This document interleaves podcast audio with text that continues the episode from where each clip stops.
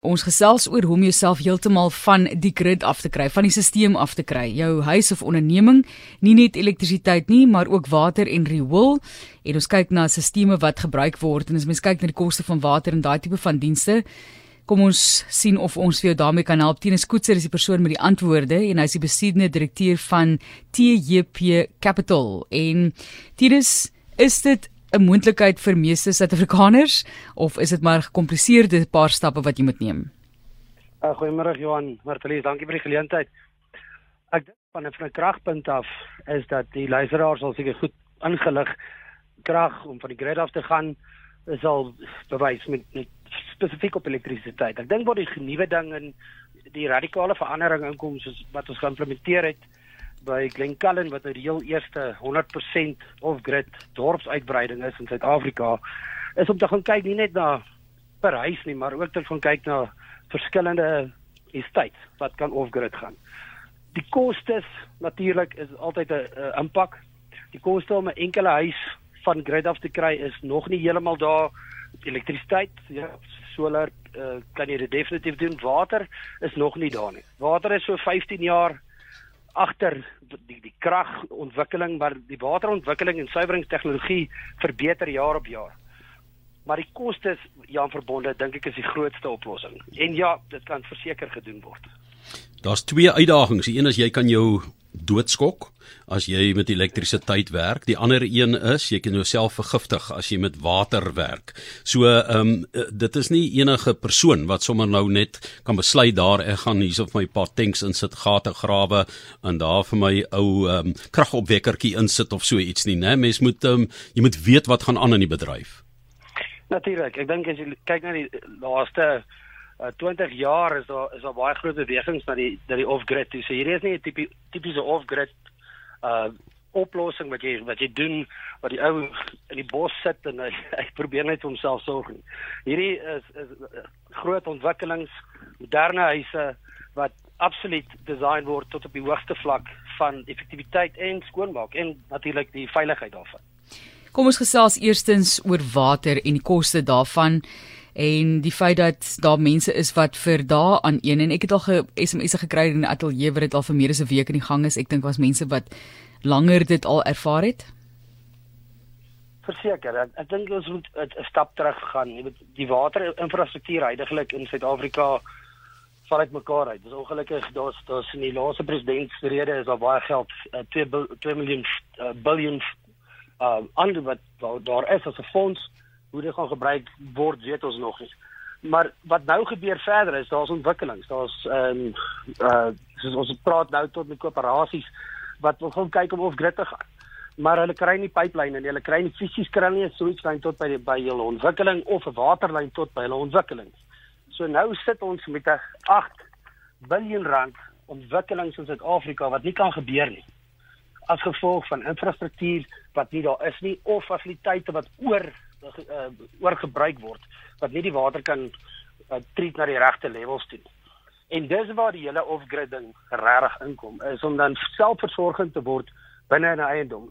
Waar Glen Cullen spesifiek wat nou uh, een van ons kliënte is, uh, hulle het gaan kyk en sê in plaas van om hierdie groot bulkdienste in te bring en hierdie duursame kostes aan te gaan, doen dit self. So wat wat nogal baie interessant is, net so ons op die jas is die hele Middelburg se ligte so afgaan dan is Glencullen se ligte aan en dan sal water. So dan is eers skielik load shedding, water shedding iets van die verlede. Ja, ek het 'n goedkoop manier dan om daarmee om te gaan sorg dat jy 'n vriend daar het. gaan kuier jy maar daar met die beurtkragtye. Maar 'n stad soos Windhoek het byvoorbeeld 'n magnifieke voorbeeld van hoe hulle water hersirkuleer so dit word al gedoen.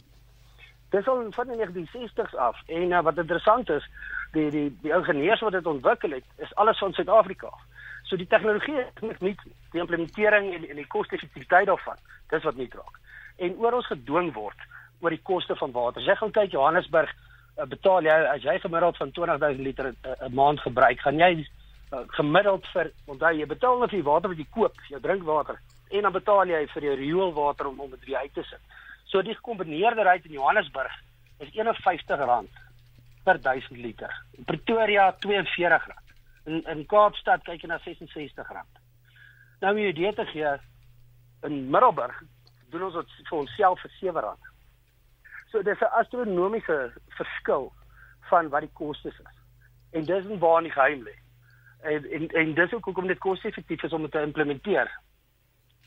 Maar teenoor wat baie mense ook in gedagte hou is dat 'n mens vir dienste betaal selfs al lewer jy nie of gebruik jy nie daar al ek wil sê lewer jy nie selfs al gebruik jy dit nie ehm um, kan jy nog steeds dienste moet betaal. Jy kan gedwing word om dit te doen. Maar jou aanvanklike kapitaal uitleg bly altyd die uitdaging. En daar is baie keer projeksies is amper soos wil ek sê met lewensdekking polisse jy weet wat mense sê jy kan 20% krag bespaar oor 10 jaar of 15 of 25 en daardie syfers is dikwels debatteerbaar. Maar het jy gevind in die industrie dat daar 'n uh, buite die frustrasie wat opgehef word um, deur tye soos byvoorbeeld beerdkrag en hulle praat van beerdwater ook wat aankom dat um, dat dat dit werklik ook meer koste effektief kan wees oor 'n medium of langer termyn Ja, natuurlik. Ek dink ook daar is die finansiële model uit bygekom. So as jy gaan kyk na jou kapitaal uitleg op 'n um, op 'n plek soos Glencairn of Estate of 'n koöperasie of 'n industriële site, is jy gemiddeld terugbetaalperiode enigiets van 8 maande tot 2 en 'n half jaar. So jy spaar letterlik van 2 en 'n half jaar of spaar jy geld. Maar dan is daar ook nou finansiële modelle wat ons kan inbring dat ons daai kapitaal vir jou gee en jy koop letterlik jou eie water wat jy produseer, ons maak dit skoon en ons verkoop dit terug aan jou soos 'n munisipaliteit teen 'n fraksie van die prys. En en dis waar Suid-Afrika heen gaan moet gaan. Ons gaan moet desentraliseer en ons gaan dit self moet maak werk binne in 'n gemeenskap of of waar daar uh, genoeg water geproduseer word tot tot die die tegnologie kan op, opvang. Gaan jy moet kyk na enigiets hiervan 30 40 huise af of 'n fabriek wat hiervan 50 000 liter 'n maand gebruik, raak dit regtig ekonomies. Dan word jy terugbetaal periodes ongelooflik en jy's regtig jy, jy spaar daai geld vandag een af.